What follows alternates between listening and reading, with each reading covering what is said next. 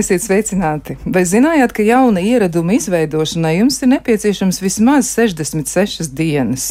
Tā doma, ka mēs varam ļoti ātri pārslēgties no kaut kā, ko mēs darām iepriekš, uz kaut ko, ko mēs varētu sākt darīt no jauna, nu, tas nebūs nemaz tik vienkārši laiks. Izrādās būs vajadzīgs eh, vairāk nekā mēs bieži vien iedomājamies ar nedēļu vai divām diezin vai pietiks. Iespējams, dažos gadījumos pat būs nepieciešams ilgāks laiks brīdis. Bet šodien ne par to. Šodien runāsim par to, kā ķermenis atspoguļo to, ko mēs jūtam, kas ir psihosomatiski traucējumi, kā mēs tos varam atpazīt un arī gal galā kā tos var ārstēt. Atgādināšu, ka studijā ir Kristiāna Lapiņa, rēdījuma producente Dācis Stalizēna, bet pie skaņa pults Kristaps Eida. Un uzreiz iepazīstināšu arī ar studijas viesiem. Pie mums ir Dāvis Liepa, kurš ir rezidents psihoterapijā un psihosomatiskajā medicīnā veselības centrā Vivendī. Sveicināts! Labrīt! Un vēl esam arī aicinājuši studijā piedalīties sarunā Ernestu Pūliņu Cīni, kurš ir Rīgas Stradiņu universitātes psihosomatiskajā somatikas un psihoterapijas klīnikas virsārsts. Sveicināts! Labrīt! Nu, lūk, varbūt sāksim uzreiz ar to jautājumu, kas tad īsti ir psihosomatisks traucējums. Jo cilvēki ļoti bieži ir dzirdējuši šo vārdu salikumu, un es varbūt šo jautājumu uzdošu Ernestam Pūliņam cīnim vispirms. Nu, tad varbūt mēģiniet izstāstīt, kas tas īsti ir. Tā, lai būtu tā skaidrības, gribu nodalīt uzreiz tādus trīs stāvokļus. Ir psihosomatiska reakcija, psihosomatisks simptoms un psihosomatiska traucējumi. Psihosomatiska reakcija ir pilnīgi normāla fizioloģiska reakcija, ko var novērot arī ķermenī. Simptoms, tas jau ir, nu, kā jau simptoms, tātad tur var būt galvas sāpes vai, vai teiksim, tur šķidrāks vēders, un psihosomatiski traucējumi tie jau būs tādi komplicētāki, kur uh, saistībā ar stresu vai kādām spēcīgām emocijām uh, vai, vai uzmācīgām domām cilvēkam ir, ir, ir traucējumi, kas izpaužās dažādos, dažādos veidos. Teiksim, ir somatoforma traucējumi, kas ir būtībā psihosomatiski traucējumi, kas izpaužas ar dažādiem mainīgiem simptomiem, dažādās ķermeņa daļās. Tās var būt sāpes, teiksim, muguras augšdaļā, pēc tam muguras lejasdaļā, un tad pēc, pēc tam kājā. Tad cilvēks domā, viņam insults ir, un tāpēc tur tā, tā kājā tagad ir. Un, un, un tad, kad mēs tur, teiksim, jautājam pacientam, tur aprakstīt precīzi to simptomu, tad izrādās, ka tas tā sāpju vai tirpšanas vieta vai, vai kaut kāda nieza, viņi tur mainās lokācijā. Tas bieži vien tas, tā pirmā pazīme, ka, ka tas varētu būt psihosomatisks dabas, nevis neiroloģisks vai, vai kādas citas dabas traucējums. Labi, tā tad ir vairākas nu, tādas pakāpes, jeb gradācija ir. Bet kā vispār sabiedrība, vai arī, nu, arī ārsta sabiedrība, mediķa sabiedrība vispār nonāca pie tās idejas, nu, kas tad ir pamatā šai domai, ka kaut kas var būt saistīts ar to, kā mēs domājam par lietām vai kā mēs jūtamies. Nu, kā tas ir sācies? Man tādas uh, psihosomatiski efekti ir jau bijuši diezgan izsenis uh, cilvēces vēsturē. Jau senajā aizvēsturē Eģiptē, gan arī senajā Grieķijā tika runāts par to, kā mūsu jūtas vai domas ietekmē mūsu ķermeni, veselību, dažādas izpausmes. Uh, Bet tad varbūt pēc uh, apgaismības, tad, uh, kad ļoti daudz koncentrējās uz šīm dabas zinātnēm un ķermenisko, vairāk attīstījās diagnostiskās metodes, tika ļoti pievērsts uh, šiem bioloģijas aspektiem tajā visā. Un tad uh, kādā brīdī. Uh, kad ir ļoti daudz dažādas skatījumus uz to bioloģiskiem aspektiem, mm, iztrūka varbūt kaut kāds skatījums uz to, kā psihe tajā darbojās. Un bija tādi kā, kā tukši plankumi tajā visā. Kurus tad uh, mēģina aizskatīt. Tāpēc bieži vien tie psihosomatiskie traucējumi ir tādi kā izslēgšanas diagnoze, pie kuras tad, uh, pieslēdzas, tā, ka tu nevari izskaidrot varbūt tā, kādiem diagnostiskiem rādītājiem vai marķieriem. Jā, nu, ir tā saucamais svētais septītnieks. Varbūt jūs arī varat uh, atgādināt uh, tiem, kas varbūt zina, jau, jau ir iepazinušies ar šo informāciju, bet nu, varbūt iepazīstināt arī tos klausītājus, kur neko par to nezina. Nu, ir arī tādi traucējumi, tādas slimības, kas nu, klasiski laikam tiek uzskatīts par psihosomatiskām. Varbūt jūs varat nu, vismaz pāris piemērus minēt. Nu, Reimatīdais artrīts, jā, mm -hmm. nu, piemēram. Jā, tas vēl daudz runā arī par bronhiālo astmu. Dažādas varbūt. Uh, ādas traucējumi, tur var būt uh, psoriāze vai eksēmas, arī par kādām alerģiskām reakcijām. Um, hmm, būt, Es varu palīdzēt, Jā, domāju, kas tāds- vēl šeit. Nu, jā, tieši tā. Čulēnais kolīts. Čūlenes zinu. kolīdz, piemēram, jā, nu kā tas ir? Varbūt arī to mehāniku var mēģināt paskaidrot vairāk, nu kā tas var būt. Ja nu, cilvēkam varbūt rodas tādi jautājumi, nu, bet kā tas nākas, nu es dzīvoju to savu dzīvi, un tagad man redz, kur ir nu, kaut kas ar sarunām noticis, un kā tas varētu būt saistīts ar to, kā es pieredzu pasauli vai kā es jūtos. Kā vispār tas strādā? Nu, tas kopumā ir ļoti komplicēti, jo tās, jo tās gala, gala reakcijas jau īstenībā arī nu, re, ir, ir uz ādas, ja psoriāze vai tur, teiksim, aterosklerozē, arī tāpat tās ir psihosomatiskā komponente. Un, un tās ir a, pilnīgi dažādas lietas, dažādas orgānu sistēmas. Uh, un, un, un tas, tā teikt, tās, tās, tas pēdējais posms ir, ir atšķirīgs katrai slimībai. Tieši, kāpēc tieši tajā uh, orgānā parādās šī slimība? Bet tas sākums jau ir viens. Tad, tad tās ir smadzenes, tas nav kaut kāda, jā, kā, kā pirms raidījuma minēja, mistiska kastīte, kur ir tās emocijas, bet tās ir, tās ir smadzenes, kurās emocijas ir normāla fizioloģiskā reakcija. Ko var arī redzēt funkcionālā magnētiskā rezonansē, kā katra emocija kā izgaismo atsevišķus smadzeņu apvidus un kā viņas tur patstāvīgi mainās. Un, uh, Un, un atsevišķām emocijām ir izteiktāk tās ā, psihosomatiskās reakcijas. Ar to bieži vien arī ir vieglāk saprast. Ja, piemēram, nu, ja cilvēks ir sabijies, tad kas notiek? Viņam zīlītes paplašinās un pastip, pastiprinās sirdsdarbība, ja, un varbūt viņš, kā, viņš kā sāk svīst. Un jau ir reku, trīs dažādas orgānu sistēmas, kur, kur, kur mēs redzam reakciju no emocijas. Un tad, kad ir pārpludinoša spēcīga emocija, vai viņi, viņi ir iespējams tā emocija asociējās ar kādām dziļākām traumām bērnībā, tad, tad jau tas tā teikt, predisponē attīstīt, vai nu, būtu lielāka iespēja attīstīt šo, šīs slimības. Ja tur jau arī ir aprakstīti tie vairāk tie iemesli, kam, kam visbiežāk attīstās tie psihosomiskie traucējumi. Un kam viņi visbiežāk attīstās? Nu, kā psihoterapeitam visbiežāk patīk uzsvērt tās bērnības traumas. Bet ir, protams, arī citi faktori, kas to ietekmē. Tas ir tāpat tās uzturs, tas ir esošo attiecību kvalitāte, tas ir fiziskās aktivitātes. Un, nu, būtī, būtībā arī tas, tas, ko mēs parasti uztveram ar, ar vārdiem veselīgais dzīvesveids. Veselīgais dzīvesveids būs tas, kas mazinās psiholoģisko traucējumu risku. Nu, ja tas neveselīgais dzīvesveids, tur alkohols, atkarības un tā tālāk. Un, tad uh, būs lielāka iespēja, ka attīstīsies šie psihosomiskie traucējumi. Pēc būtības tas ir teikt, tas normālās uh, fizioloģijas kaut kāds pārpludinājums. Un kad tās ķermeniskās reakcijas būs pārāk spilgtas, vai, vai, vai teiksim, nu, jau tur parādīsies um, nu, jau tiešām ķermeniskās tās reakcijas. Un, un, un man bija komentārs arī, arī pie, pie dāvja teiktā. Uh, kur arī šobrīd psihosomiskos traucējumus grib pārsaukt par uh, medicīniski neizskaidrojamiem uh, slimībām vai medically unexplained syndromes vai diseases, um, kas uh, nu, man ļoti nepatīk, jo pēc būtības jau var. Mūsdienās jau, jau at, at, atrod atsevišķus interleikīnus, kas ir, kas ir paaugstināti. Uh, nu, tā pašai uh, psoriāzē, nu, tur var redzēt, nu, kas notiek bio, tādā molekulāra bioloģiskā līmenī, kas notiek tajās šūnās.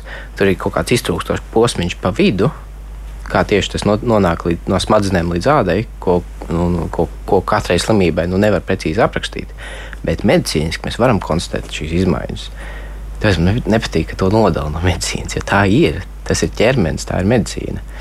Jā, nu, to laikam nav iespējams nošķirt. Nu, arī tāds interesants stāvoklis, ko eh, ļoti daudzi ārsti arī atpazīst un eh, daudz par to zina un, eh, un ir pētījuši, piemēram, kairinātā zārna. Ja? Nu, tas mm -hmm. arī ir tāds ļoti interesants stāvoklis. Tajā pašā laikā bieži vien tur ir pie vainas kaut kas vēl. Tur ir vai nu parazitāra invāzija, vai tur ir arī nu, tā saucamais divertikulīts vai vēl kaut kas cits. Bet nu, citreiz domā, nu, tu tā satraucies ļoti tev ar tām emocijām, kaut kas tur nav tā kā vajag, un tāpēc tev tā ir. Nu, kā, kā saprast to, ka tas traucējums tiešām ir psihosomatisks un ka tas nav? Nu, kaut kas cits, ar ko tad sākas viss tas stāsts, kā to noskaidro, kā tad diagnosticē psihosomatisku traucējumu. Nevis vairs tur reakciju simptomu, bet tieši traucējumu. Bieži vien uh, psihosomatiskie pacienti, uh, nu, nokļūstot pie terapeita, pirms tam ir bijuši daudz citos dažādos izmeklējumos, kur meklēts uh, varbūt kaut kāds jau zināms konkrēts tas etioloģiskais faktors. Un tad uh, bieži vien ārsti arī aprobežojas ar to teicienu, ka nu, jāiet pie psihoterapeita, jo tas ir galvā. Un savā ziņā bieži tā arī ir. Tad ir iespējams ir tā, tāda pavērošana sevis, iespējams, ka tas tiešām ir uz kaut kāda stresa pamata, un tā ir tāda ķermeniska reakcija, kas ir izveidojusies uz šo stresoru. Un izskatot, un tad uh, vērojot šīs iepriekšējās pieredzes un savalkot kopā, dažreiz var atrast kaut kādu patērnu, pēc kura tas arī tā veidojās. Bet dažos gadījumos tas tā nav. Tad tomēr tur ir kaut kāds eh, nu, objektīvi atrodams iemesls, tieši kā Ernests teica, nu, pat par to, ka tur ir kaut kāds skaidrojums. Iespējams, mēs vienkārši to nezinām. Un tad eh, tas ceļš, ko izvēlas, eh, tagad ja tas piedāvājums ir, ka mēs vienkārši to sauksim par situāciju, kur mēs nezinām, kas īsti ir pamatā. Tas, laikam, nebūtu tas labākais virziens. Jā, un ļoti svarīgi nodalīt, ka tas nav tāds. Um, vai nu bioloģisks, vai psiholoģisks, vai, vai, vai tikai sociāls, bet tas ir visu to faktoru kopums, ka tur noteikti ir, to var skaidrot no dažādiem aspektiem. Un ir uh, lieliski dzirdēt, ka vispār tā neiroimunoloģija, piemēram, attīstās ar dažādiem nu, izpētēm, kur tiešām varētu jau izsekot šos veidus, kā tas uh, attīstās. Bet ir nu, vērts paskatīties uz dažādiem faktoriem, gan, gan ar šiem izmeklējumiem, kas ļoti vērtīgi var, var izskatīt gan arī dzen, tam, nu, ja ir iespējams kapacitātes izpētīt, kas ir tās jūtas, varbūt kādas situācijas vai, vai kas, kur, kuras ir aktuālas tajā brīdī, kad parādās simptomi vai grūtības traucējumi. Labi, bet, eh, nu, ja mēs tā reāli mēģinām skatīties uz dažām lietām, nu, kā mēs varam izskaidrot, piemēram, tādas personības īpatnības, kas cilvēkiem piemīt? Jo tiešām nu, ne visi cilvēki reaģēs uz kādu stresa situāciju tā ļoti asi, un ir cilvēki, kuri beig beigās iedzīvojās, piemēram, tā saucamajā stresa čūlā. Viņš strādā kādā organizācijā, iestādē, un neiet viņam tur viegli, bet. Um, Nu, rezultāts ir tāds ļoti nelāks. Nu, kā to varētu izskaidrot? Kā tas mehānisms strādā? Kā ir? Kāpēc viņš varbūt nespēja pretoties tam spiedienam, vai viņš nevar iet runāt pie priekšnieka, ka viņam īsti labi tur neklājas. Kas tieši tur notiek? Kā cilvēks nonāk līdz tam stāvoklim, kad tiešām nu, nav, nav vairs labi un ir skaidrs, ka tas ir saistīts ar to vidi, ar reakcijām? Ernest. Jā, par to pēdējo jautājumu daļu. Um, pēkšņi tukšums palika. Um, kā, kā tad saprast? Jā, tad tas ir novērojot tos pašus ra rakstus. Uh, nu, kāpēc tieši tam cilvēkam attīstās? Un, teiksim, ja viņam tieši uz darbu ejot, pastiprinās tie simptomi, tad, tad, nu, tad skaidrs, jā, ka tas, tas, ka tas darbs, ir saistīts ar darbu. Tas varētu būt tas pastiprinošais faktors. To ļoti bieži arī pacienti tā, tā novēro. Tad, kad sāk, sāk runāt, tad tīksma, atnāk pie manis, ir bijuši jau pie neiroloģa, pie visa, visa, visa kā, un visa, viss, kas izmeklēts, un saka, nu, šausmīgs galvas sāpes.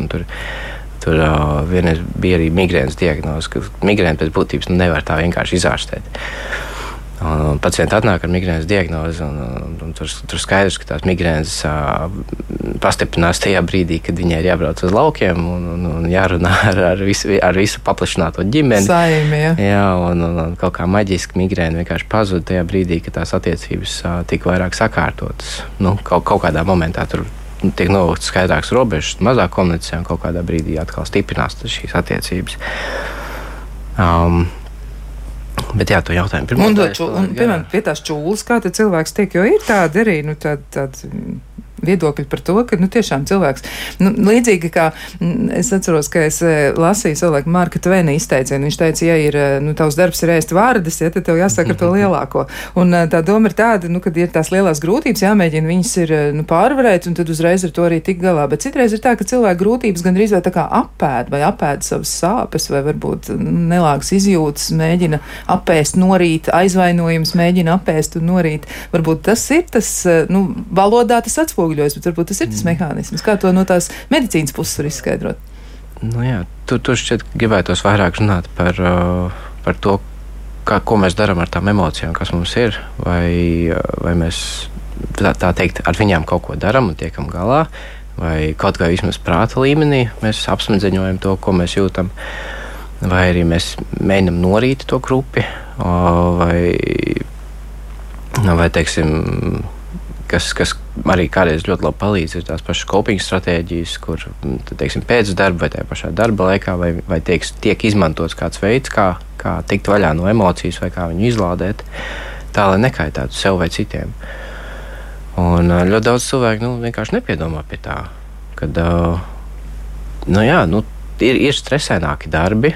Un, un ir, ir tādi darbi, kuros ir lielāka tendence, ka var attīstīties kaut kādi uh, psihosomatiski traucējumi. Tad arī ir apzināti jāpiedomā pie tā, lai tie riska faktori būtu pēc iespējas mazāk, tas pats uzturs, fiziskās aktivitātes un tā tālāk. Un arī kādreiz pie šīm pašām kopīgām stratēģijām. Nu, Nu, kā es to pārvaru? Ja? Jā, jā. tās pašas fiziskās aktivitātes ir liela daļa no kopīgas stratēģijām. Vai tur ir kaut kāda mindfulness, vai meditācijas, vai jogas. Tur ir nu, kas, kas nu kuram, ko, ko palīdz izlādēt. Jā, nu, tas, būs, tas būs tā ļoti individuāli. Un, um, pēc būtības tas tādā smadziņu līmenī skatoties.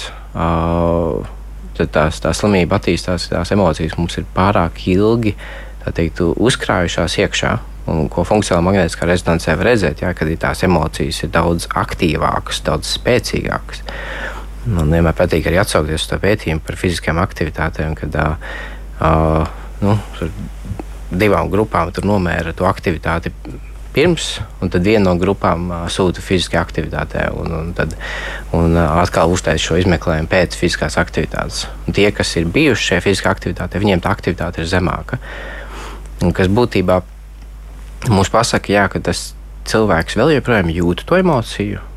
Nu, vajadzētu, teiksim, jūs dusmas, ja pārkāpt tavas robežas, bet viņas vairs nav tik spēcīgas, viņas vairs nav tik pārpludinošas. Uh, un, jā, un tas tā, tie psihosomiski traucējumi attīstās tad, kad tās emocijas ir spēcīgas, ilgstošas, pārpludinošas un, un, un cilvēks tā teikt, netiek galā ar viņām. Tātad emocijas šķietam ir pārāk daudz, bet eh, kā tad iemācīties ar emocijām vispār būt attiecībās, un kur to cilvēks iemācās, kur tas pie viņa atnāk? Kā tad viņš iemācās saprast to, ka kaut kas notiek, atpazīt, kā, kā tas ir?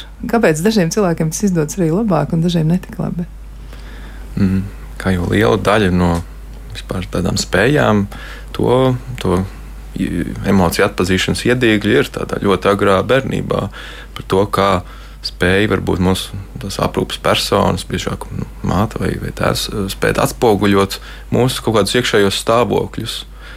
Tā kā spēt parādīt mums sevi kaut kādā ziņā, kā, ko mēs jūtam tajā brīdī un, un, un kā tas ir. Un tad ar šo tādu empātisko atspoguļošanu, kā mēs spējam salikt kopā tādus grūtus vai nu, intensīvus kaut kādus iekšējus stāvokļus ar kaut kādu tādu konceptu par tiem Un, un tas tā arī attīstās, varbūt agrīni, bet arī to var attīstīt arī dzīves laikā, spējot to salikt kopā šos te dažādas interesantas nu, izpausmes, vai ķermeniskās, vai nu, izjūtu ziņā ar konkrētiem vārdiem vai, vai izpausmēm, kā tos ielikt kādā kastītē. Bet kam vieglāk veicas eh, par to runāt? Jo ir tāds pieņēmums, ka sievietēm ir vieglāk runāt par emocijām, jo viņām atļauj just, un savukārt vīriešus ļoti bieži ierobežo zēnus. Arī tad, kad viņi ir mazi, viņiem saka, nu, zēnu jau neraud. Un lai cik ļoti mēs domātu par to, ka tas ir mainījies, tomēr izskatās, ka joprojām daudzas ģimenes izmanto šo te pieņēmumu un lieto to dabā. Ja? Nu, tu, tu, tu esi puika, tev nav ko te čīkstēt, vienkārši ej un dari. Mhm. Jā, tur ir ļoti daudz šie sociālai, kultūrālie faktori, kas ietekmē to, kā mēs vispār mācām bērniem un vispār arī pieaugušiem atpazīt vai izpaust tās jūtas. Un viens no tādiem kaut kādiem varbūt, pieņēmumiem ir tas, ka varbūt ka puišiem vajadzētu tur, tās jūtas kaut kā apslāpēt, tīpaši tādas nu, sēras vai ko tādu, jo to izrādīt varētu būt vāji, viņiem jābūt stipriem. Uh, Tāpat laikā bieži vien tādi pieņēmumi, ka meitenes tur, piemēram, nevar izrādīt nu, dusmas vai agresiju, un tad viņām jābūt jāizpauž tikai tās nu, saucamās labās e, emocijas. Un, jā, un spējot atzīt varbūt tādus stereotipus un pieņēmumus, varbūt tos var arī pārkāpt. Vai jums arī ir jau izveidojies tas priekšstats, kas ir biežāk sastopamie psihosomatiskie traucējumi, ar kuriem vēršas pie jums?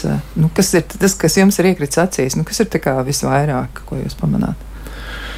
Tas laikam ir katrā atsevišķās pieredzēs, bet cik es esmu saskāries, ir daudz, piemēram, galvas sāpju situācijas, kur arī šīs parādās pie kādām stresainām situācijām. Tad tas arī tas varbūt tās tenzijas galvas sāpes. Bieži vien satraukumā, nu, šķietam, tāda aizsardzības reakcijā, kas ļoti evolucionāri attīstīsies, uzraucās pleci. Kā aiz, būtu jāaizsargā kakls varbūt no kāda uzbrukuma, kaut arī uzbrukums tur ļoti iespējams nemaz nebūtu no, no priekšnieka vai, vai kāda mm, autoskolas vadītāja. Um, Tāpat laikā tas savākot plecu, savākās asinsvadī, mainās asins pieplūdes smadzenēm, un tad, uh, tad veidojās uh, šis galvas sāpes. Nu, tad galvas sāpes varētu būt viens no biežiem tādiem eh, stāvokļiem. Mm. Nu, varbūt vēl, varbūt Ernestam Pūliņam cinim arī ir ko piebilst. Nu, kas ir tas, ko jūs esat savā praksē sastapis, nu, ar ko cilvēki nāk? Ko viņi saka? Nu, vēl ir tās uh, gastrointestālās nu, zarnu reakcijas, ka bieži vien ir, ir šķidrs vēders pie, pie stresa. Ātras kājas, jā, ātras, ātrās kājas. Un, uh, kas, kas vēl nāk prātā, ir dažādas tās senostopātijas, uh, nu, kas ir tiešām vairāk rakstīts par šiem somatoformiem traucējumiem, kur ir dažādas, dažādas izjūtas dažādās ķermeņa daļās, un viņas mēdz būt mainīgas laika gaitā. Tas, tas ir salīdzinoši bieži īstenībā. Un tie, tie ir tie pacienti, kuriem ir izmeklējušies no galvas līdz kājām, un viņiem teikt, neatrod to parastās tipiskās diagnozes. Bet, tā, bet tad, nu, tad, sāk, nu, tad jums jāaiziet pie psihologa parunāties vai pie psihiatra. Un tad, tad tas cilvēks pats mēģina saprast, a, a, kas tad ir kas. Ja, kurš ir kurš speciālists, pie kā tad man labāk vērsties, vai tas ir vai būs psihiatrs, vai psihoterapeits, vai, vai psihologs, un ar ko viņi visi vispār atšķirās. Un tad, un tas arī bieži vien tos cilvēkus traucē pēc tam uh, veiksmīgi atrast to, to, to risinājumu. Jo viņi nezina, un bieži vien arī citi ārsti nezina, kā, kā tad tagad ārstēs.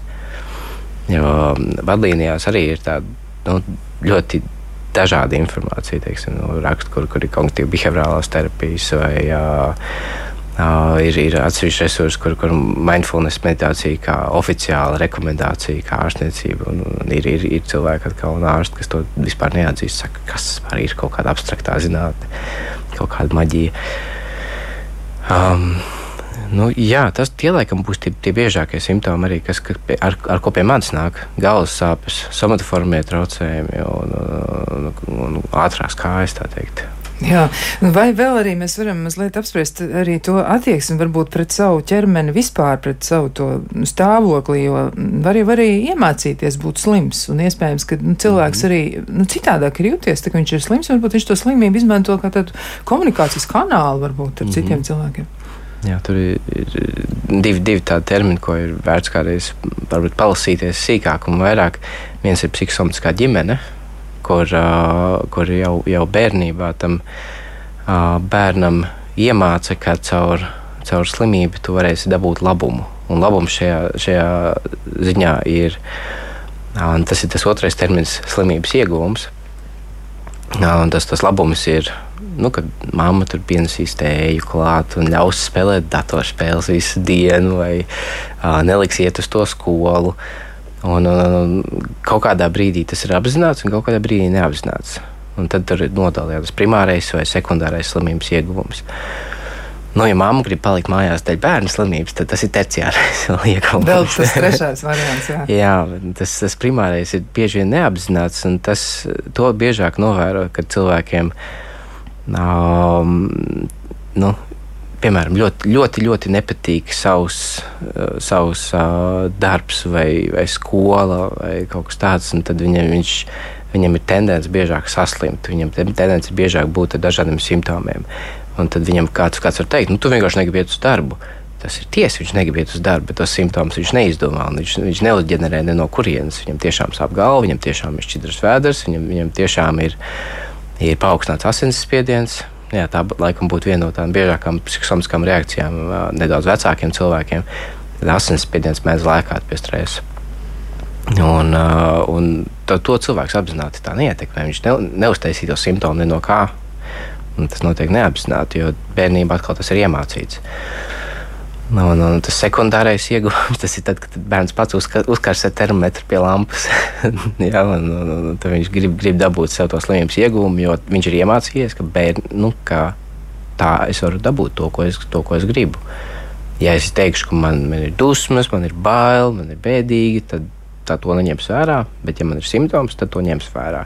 Un tas savā ziņā veicina to, ka uh, būs arī šie primārie slimības iegūmi. Ka jau tas, tas kaut kādā ziņā neapzināti arī notiksies.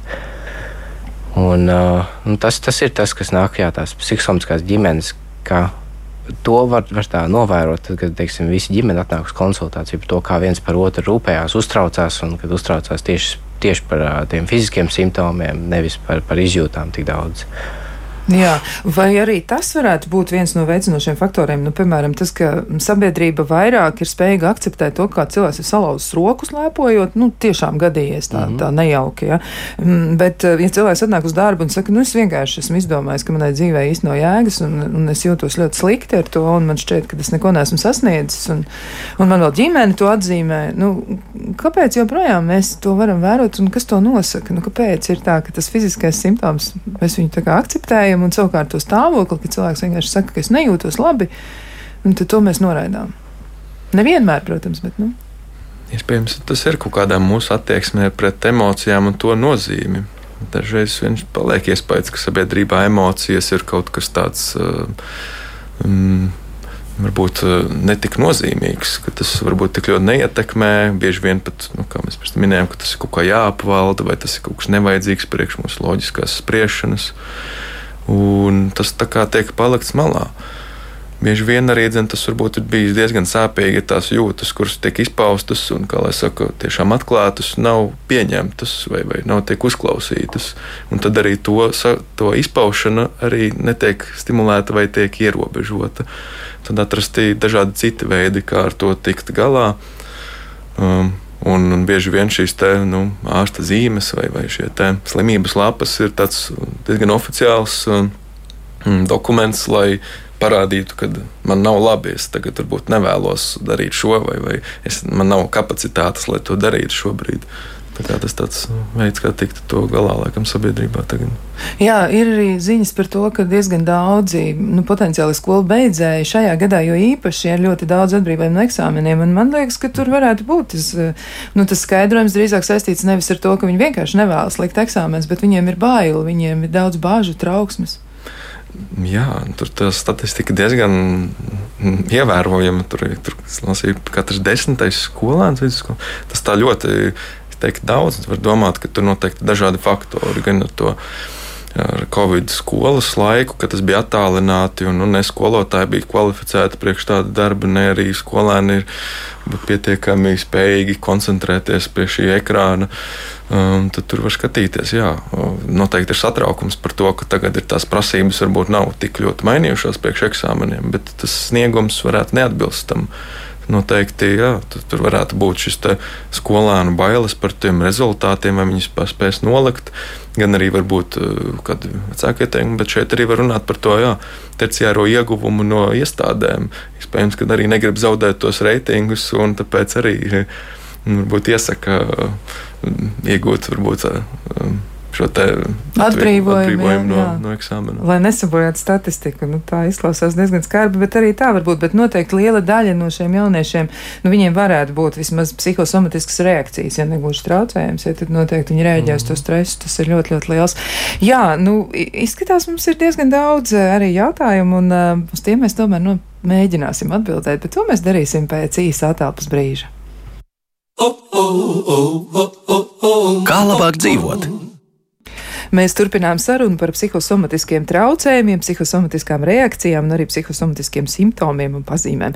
Un eh, vienlaiks mēģinām arī saprast, kas tas viss īsti ir, kā tas notiek, kā tas rodas, un eh, arī noteikti runāsim par to, kā to ārstēt. Mums ir arī ļoti daudz jautājumu no klausītājiem, un varbūt šis ir īstais mirklis, kad eh, arī pie tiem ķerties. Nu, lūk, un viens no jautājumiem ir tāds.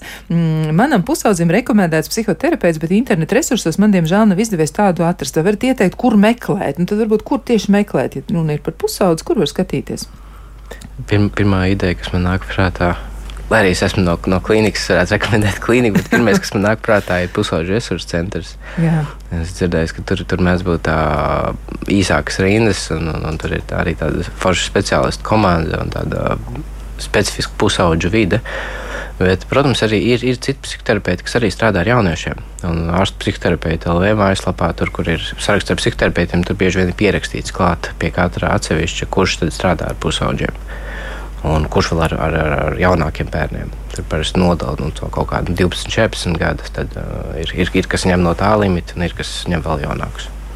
Jā, nu, tā tad var skatīties noteikti, un, un var skatīties arī visos reģistros, ja meklēt, mm -hmm. pētīt, ja noteikti arī, arī psihoterapijas speciālistu reģistrā var skatīties. Nu, sakot, var atrast kādu, kas noteikti strādās, ja, bet nu, tad sākotnēji vajadzētu orientēties uz pusauģu resursu centru, un noteikti arī, arī tieši tāpat arī, nu, Stradiņu universitātes psihosomatikas un psihoterapijas mm -hmm. klīnikā var meklēt, un arī Vivendi centrs, jā, jā. Jā, ir, un ir ļoti daudz, ja, ļoti daudz iestādes, un tiešām, un, un, un, nu, iespējas ir, iespējas tiešām ir, jūs varat skatīties. Bet nu, tāds ļoti labs jautājums, kā iemācīties pārvarēt dusmas. Tas ļoti ietekmē nervu sistēmu. Un šis ir labs jautājums. Man liekas, ka jums abiem diviem noteikti būtu par to, ko teikt. Jā, nu, tur šis ir ļoti bieži, kad cilvēki nāk uz terapiju, saka, ka es negribu vairs dusmoties, gribu justies labi. Jā, nekādā nedusmošos. Uh, bet dusmas vajag. Dusmas ir uh, laba emocija. Tur ir, tur ir signāls par to, ka kaut kādas robežas tiek pārkāptas vai gribas, vajag sevi aizstāvēt. Tajā pašā laikā es saprotu, no kurienes nāk šis jautājums. Tā ir nepatīkama izjūta un gribās tikt no viņas vaļā. Un, um, tad nu, tā, tā pieeja varētu būt tāda sistemātiska par to, ka, ja tās atkal dusmas ir pārpludinošas un, un tā, tā ka šķiet, ka vispār nu, nevar vairs savaldīties, tad, tad, tad jādomā bišķiņ vairāk par tām pašām kopiņu stratēģijām un kādā veidā izlādēt ārā to, teikt, to, to kas līst pāri pa malām. Uh, savukārt ar to kas, to, kas tur paliek pāri, ar to, ar to pamat emociju, nu, jāsaka, kā, viņu, kā sasniegt tās emocijas funkciju. Nu, teiksim, ja tur ir dusmas darba, darba vietā vai, vai, vai ģimenē, nu, tad, tad, nu, tad domā nu, par to, kā, kā tad, kur, kurš kon konkrētāk kaut kādas skaidrākas robežas nospraust vai kaut kādas neskaidrības izrunāt, nevis turēt iekšā, bet mēģināt izrunāt un risināt. Un tad, tas jau ir tāds dusmu, dusmu tas, tā, tā, tas signāls un tas ziņojums, ka kaut kas nav labi, man gribās sevi aizstāvēt. Tas ir par kaut ko. Tas nu, jā, ir nevis jā. kaut kas, no kā man jāatbrīvojas. Jā, ļoti arī vērtīgi spēt dusmoties nu, pareizajā vietā, laikā, uz mm. pareizo cilvēku un pietiekamā tajā intensitātē. Jā. Jo bieži vien tas pārpludinošākais ir tas, ka mēs kaut kā to krājam, jo nu, tas ir, protams, nepatīkami un izlikt, un tad kaut kur aizējām mājās un pēkšņi saklēdzam uz bērniem, un tad ir nu, ļoti nepatīkami izjūta. Tad gribās kaut kā nu, pārvarēt tās dusmas, kaut arī viņas varbūt tieši otrādi vajag izpaust, tikai atrast pareizo veidu, laiku, vietu un cilvēku, pret ko tas varētu vērst, kur tas robežas ir pārkāptas. Jā, nu labi, bet eh, nu, arī nākamais jautājums ir, vai psihosomatiskie traucējumi var būt sākums alerģijai, audzējiem, pankreatītam, jā, depresijai, vai tie var būt arī par iemeslu slimību atvesļošanās procesu nobremzēšanai, nu, kad īsti labi neizdodas atgūt to veselību, nu, vai tas tā varētu būt? Tas varētu būt tāds sākums. Jā, jā. Absolūti. Un par, par, par šo ir savā ziņā visvairāk pētījumi. Uh, kas pēta, kā, kā spēcīgi emocionāli pārdzīvojumi vai bērnībā pieredzētās traumas ietekmē dažādu slimību attīstību. Un tur, tur ir savā ziņā tiešām tie visvairāk tie pētījumi par to, kā, kā mēs redzam, kā mainās interleikīna profils, kā mainās. Uh, nu, da, dažādas citas organismu fizioloģiskās funkcijas, un, un, un, un tā rezultātā attīstās šie te, um, šie dažādie traucējumi. Un, um, viens, viens no maniem mīļākajiem ko, ko, ko, tādiem punktiem, ko es šeit gribu minēt, kā piemēra, ir, ir um, naturāli killeri. Mūsos ir tādas šūnas. Ir tādas šūnas, ko sauc par naturāliem killeriem. Ir jā, galētājas šūnas. Jā, jā. galētājas šūnas. Un, um, un, un, un, un uz viņām var ļoti spēcīgi rea redzēt šo stresa reakciju. Un, uh, piemēram, viena negulēta naktis ir stresa reakcija. Nu, organisms ir stresā, viņš nedabū atjaunoties. Un, ja ir viena negulēta naktis, tad te, šīs te NK šūnas, viņu aktivitāte ir par 40% mazāka. Un 40%. Tas ir un, daudz. Jā, jā, tas ir ļoti daudz. Un tikai no vienas nakts. Un tad var iedomāties, kas ir ilgstošs stresa rezultātā. Un kāpēc tieši par šīm šūnām es runāju un pie šī jautājuma? Tāpēc, ka NK šūnas ir galvenais uh, faktors, kas mums aizsargā no audzējiem. Jo tās ir mūsu imitācijas šūnas, kas spēj atpazīt jebkuru svešo. Viņas ir skaitliski mazas, bet, bet viņas tiek galā ar savu uzdevumu. Tur, teiksim, ar vīrusiem, baktērijām, tur pārējās šūnas nāk tālāk. Bet pie audzēšanas šūnām specifiski šie, šie te, šīs galētās šūnas, kuras atpazīst jebko svešu, jebko nepreizu un iet un iznīcina. Un tad, tad var domāt, kā pie ilgstošo kroniskā stresa, pie dažādiem psihosomiskiem traucējumiem paaugstinās šie audzēju riski. Jā, tas, tas noteikti to varētu arī izskaidrot. Es atceros arī savulaik lasīju pētījumu, snovu pētījumu par to, cik eh, procentuāli eh, un skaitliski pieauga risks saslimt ar ļaunprātīgu audzēju cilvēkam, kurš ir piedzīvojis ļoti smagu zaudējumu. Tad mm -hmm. turpmāko divu gadu laikā varbūtība pieaug pat uh, desmit reizes. Ja. Tas nozīmē, ka laikam tomēr tās naktis būtu jāmēģina labāk gulēt un arī ar to stresu kaut kas ir jādara. Un tad laikam dusmas nevar gluži paslaucīt zem paklāja, bet jāiemācās to kaut ko darīt. Bet klausītājiem un sērot. Un sērot ai, nu, nu, tas ir arī ļoti grūti. Es, um, Arī šeit uh, lasīju um, likumu, um, darba likumu, ja, kas paredz to, ka ir cik divas dienas laikam, ja mēs pieļaujam, ka cilvēks ir prom, nav savā darba vietā, ja viņš ir zaudējis tuvinieku. Man liekas, tas ir diezgan diezgan šausmīgi. Bet tas ir, tas ir no darba likuma. Jā, bet, bet, bet ir jau arī, arī tāda lieta kā slimības lapa. Jā. Ir, ir pacienti, kas, kas ir atvēruši arī slimības lapu pēc, pēc zaudējuma. Pēc zaudējuma. Vai, vai teiksim, pēc veiktā aborta. Nu, tad, nu, skaidrs, tas ir milzīgs pārdzīvojums. Tur ir daudz, daudz izaicinājumu. Un, un, un, un, un, jā, tur, nu, darbs kā tāds, nu, varbūt nedos brīvu, bet slimības labu gan var. Jā, bet pats likums tā kā pasaka, nu, ka tam nav nozīmes. Ja tu esi zaudējis kaut ko, tas tev, tev ir ciešanas, tev ir grūti, bet tas nekas nāca atpakaļ. Nu, labi, tas tā, bet um, vēl ir arī klausītāju piezīmes un jautājumi un komentāri. Un viens no klausītājiem rakstā, man jau gadus septiņus ir jāsadzīvo ar veģetīvo distoniju. Esmu pārdzīvojis daudz šādu, var teikt, iedomātu simptomu, ja, kā viņš pats raksta, sākot ar vēdersāpēm, elpas trūkumu, reiboņiem. Pārsvarā tas viss rodas sabiedriskās vietās, vai arī tur, kur ir daudz cilvēku, piemēram, lielveikalos. Un ir bijis tā, ka tiekot ar groziņu līdz kasē, visu esmu pametis un skrējis ārā, jo jūt, ka nāk ģībonis. Nu, ko par to mēs varētu teikt? Izskatās, ka tas ir panikas lēkmes. Nu, jā, soci, sociāla trauksme, panikas lēkmes. Jā, nu, ko darīt eh, cilvēkam? Droši vien nu, vērsties pie, jā, jā, pie, pie, pie, pie, pie speciālista jāvēršās. Un, um, ja tur tā Nu, protams, tur ir jā, sīkāk jā, jāmēģina saprast, kas, kas tur apakšā slēpjas, kāpēc tā tieši tā trauksme tur tā parādās un kāpēc tur nāk tās panikas laikums. Um, bet uh, jā, viens no efektīvākajiem metodēm specifiski pie trauksmēm, trauksmēm ir KBT, uh, kur, kur ir nu, atkal dažādas metodas tiek pielietotas, lai mēģinātu attīstīt sev, sev šos jaunus uh, mehānismus. Bet bieži vien tur vajag arī dziļāku darbu, jo, jo KBT bieži vien ir specifiski uz simptomiem orientēts.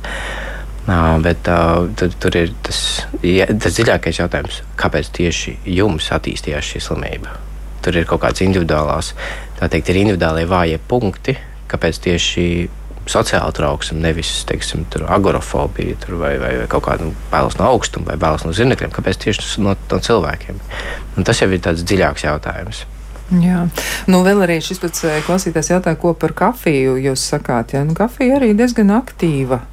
Uh, nu, labs dzēriens. labs dzēriens, dažreiz ļoti labs, bet dažreiz. Jā, vērtīgs uh, stimulants, kaut kādā ziņā ļoti iegājies mums kultūrā, un tas tāds ļoti saprotami, to daudz izmanto.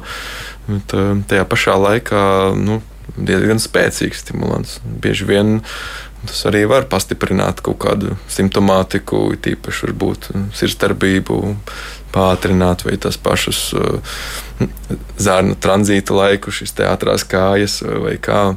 Um, kā arī dzen, ja to dzeru pa vēlu, tad tas var arī būt bezmiega iemesls. Un bieži vien cilvēki, kā lai saka, to pat piemirst, kad ir tas, uh, tomēr tas kofeīna, tas pusabrukšanas periods, viņš ir diezgan pailgs, kādas nu, 6-5 stundas.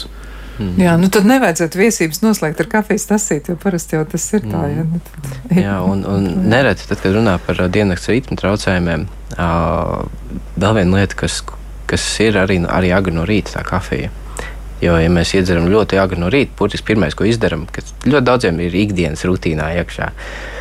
Um, un, un, lai jums tas netraucē, labi, lai ir. Dzeriet, kad gribat. Bet uh, ir, ir cilvēkam tas nedaudz jauc ārā to dienas ritmu, Jo, jo no rīta mūsu dabiski kortizols ir šis stresa hormons ceļās. Uh, kas ir tāds, tas pilnīgs tāds, nu, pretstats mel melatonīna darbībai, un attiecīgi mums ir vieglāk pamosties. Bet ir cilvēkam tas vairāk izjūt šo dabisko ritmu, un mums nav tā nu, pazudis tas, tas dabiskais, ka mums ir vienā brīdī būs jāiet gulēt, vienā brīdī jāceļās. Bet cilvēkam var būt ļoti automātisks un dabisks tas ritms ar, ar iešanu, gulēt un celšanos. Kafiju to no rīta arī var pajaukt ārā. Jā, varbūt jā, nu, tad jāpievērš uzmanība savām reakcijām, mm -hmm. tā Mhm. individuāli, kā mēs jūtamies. Ļoti tāds jauks komentārs un arī tāds ļoti paskaidrojošs arī ir vien no viens klausītājs par vecākiem un bērniem. Un viņi raksta tā, kā vecākam man ir grūti dažkārt nodalīt līdzjūtību no robežu nojaukšanas. Esmu ievērojis, ka bērnam daudz labāk pašsajūta, ja pati neesmu nogurusi un spēju novilkt stingras robežas neatkarīgi no diennakts laika, slimības vai veselības un bērnu uzvedības. Ja sāku žēlot un piekāpties ar gulētiešanas laiku, kādu multinīti, saldo ēdienu, nav pēsts stiprais ēdiens, tad viss sajiet šreijā. Bērns kļūst niķīgs un visiem ir grūtāk sāks arī sāpes, slimības un tāds aburtais sloks.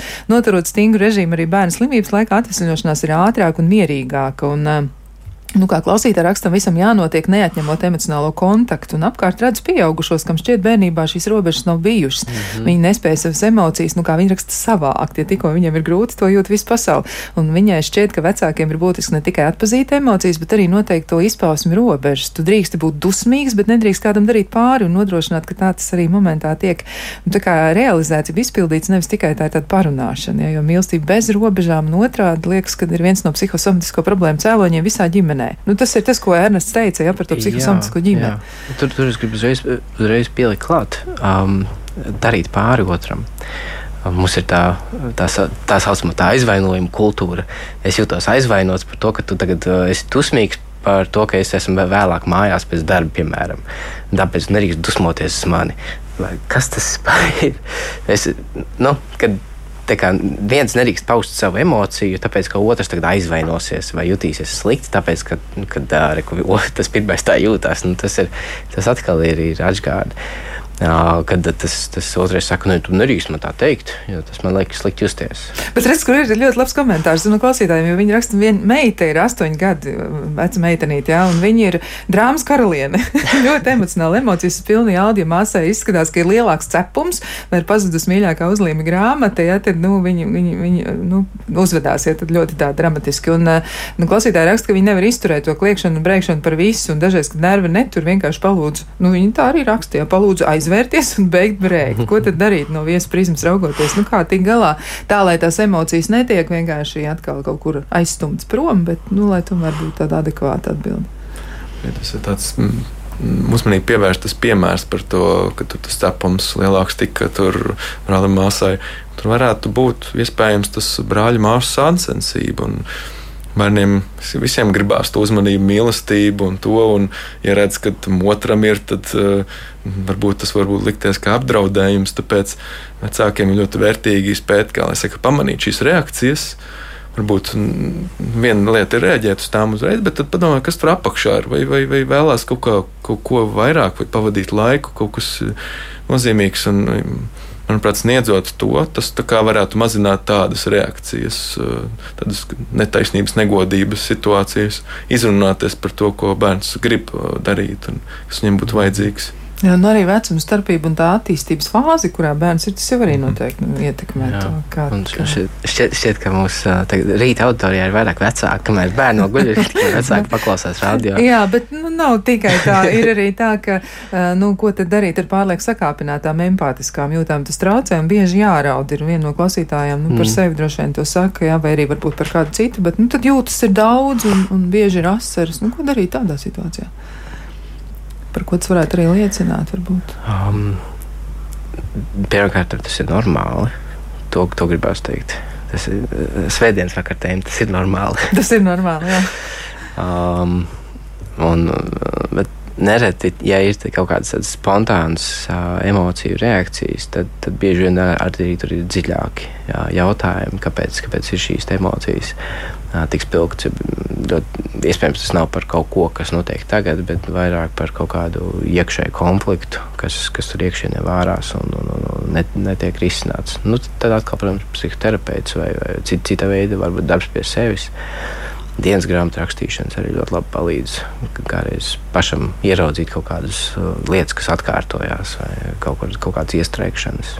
Jā, nu viena no klausītājiem raksta, manām meitām 39, 33 gadi un joprojām viņas sacenšas, viņas sacensīja. nu, vēl arī klausītāji atzīmē dažādas lietas. Viņi arī raksta par to, ka daži cilvēki varbūt attaisnojas ar psihosomatiskiem traucējumiem, lai nedarītu kaut ko, kas ir jādara un kas sagādā grūtības. Un tad, nu, kā reaģēt kolēģiem, droši vien tur arī jāmeklē ir, nu, kāds skaidrojums, kāpēc tā notiek. Mm -hmm. Nu, jā, interesanti būtu noskaidrot, kāpēc tad ir tad jātaisnojas, ja tā šķiet, tad, vai nu, kas tur varētu būt apakšā. Jo tur īstenībā ļoti individuāli dažādi ir tie iemesli. Ja ir aizdomas, ka tas varbūt nav tāds ļoti izteikti tiešām simptomātiski, ka tas varbūt jau iet uz to pusi, kur tā ir tāda kā. Um, šķietama izlikšanās vai kā, tad tas tik un tā, pat arī tādā gadījumā varētu liecināt par to, ka nu, tur ir kaut kāds iemesls, kāpēc jāizlieks vai jā, jās, jāsodas un jāatprasās. Un tad tur var būt kaut kādas grūtības, kuras apsaktas. Jā, labi. Nu, tad tas noteikti ir jāpēta. Tāpat kā jāpēta katram cilvēkam individuāli, droši vien gan bailes no lidošanas, kuras te tiek mm. pieminētas, gan arī vēl daudz citas lietas. Ir arī labs, eh, laba piezīme no klausītājiem, ja ka var Nacionālā veselības dienesta mājaslapā skatīties arī palīdzību. Iespējams, var atrast, jā, jā un arī ir desmit reizes bezmaksas psihologa konsultācijas pieejams. Ja, tā kā noteikti arī to var mēģināt mm -hmm. izmantot. E, nu, tiešām daudz ir jautājumu, un, un, un noteikti mums šis temats nu, būs jāturpina. Tas ir skaidrs. To mēs noteikti arī darīsim. Bet, um, Nu, pats pēdējais jautājums, vēl, uz ko var mēģināt atbildēt, ir, ja ir konstatēti psihosomatiskie traucējumi vai iestāšanās nu, kādā teiksim, stacionārā, ambulatorijā, varbūt iestādē, vai, tas varētu palīdzēt? Jā, nu, tā kā justies labāk, un tad, nu, vai tas varētu ietekmēt uz stāvokli? Ne visiem, bet, bet jā, daļai jā. Manuprāt, šo, šobrīd Latvijā ir ļoti vērtīgi, vērtīgi ka mums attīstās dienas stacionāri Lermontovo un Veldas ielā. Veldas ielā, jā, arī. Jā, jā. Un, un, un tur ir arī tāda ļoti vis, tāda nu, daudzpusīga pieeja ka tur, tur nav vienkārši tikai ar medikamentiem nozāļot, vai arī tieši, tieši otrā, kur ir tikai psihoterapija. Tur tā, nu, ļoti plaši paskatās uz to pacientu un, un skatās, kā viņam tieši var palīdzēt. Nu, tāds komandas darbs. Jā, jā. jā. Un arī nu, tas jautājums no šī paša klausītāja, kā paskaidrot darba devējiem prombūtnes iemeslus, nu, droši vien jau, ka tad arī tiks atrasts veids, kā to noformulēt. Pēc darba likuma nav jāskaidro prombūtnes iemesls. Nav jāskaidro. Šis gan, tad, tur gan darba likums to pasaka, ka prombūtnes iemesls šajā situācijā nav jāskaidro. Jā, mums ir ir ļoti, ļoti daudz vēl ko runāt par šo tēmu. Mēs noteikti turpināsim, un uh, tas ir skaidrs, ka tas ir jādara. Šobrīd saku paldies abiem diviem studijas viesiem, gan Dāvim Liepam, kurš ir rezidents psihoterapijā un psihosomatiskajā medicīnā veselības centrā Vivendī, un arī Ernestam Pūliņam Cīnim Rīgas Stradiņu universitātes psihosomatikas un uh, psihoterapijas klīnikas virsārstam. Un klausītājiem savukārt atgādināšu rīt, jūs tiksieties ar Elvi Jansonu un runāsiet par dārzu, nu par ko gan, nu pat sāk dziedēt mežrozītes, tik skaists uh, dārzs tiešām tiešām ir daudz ko tur jādara, un par to, ko tad tieši to jūs arī rīt varēsiet spriest kopā ar Elvi un studijas viesiem. Bet es no jums atvados un eh, tiksimies kādā citā reizē. Lai jums skaista diena!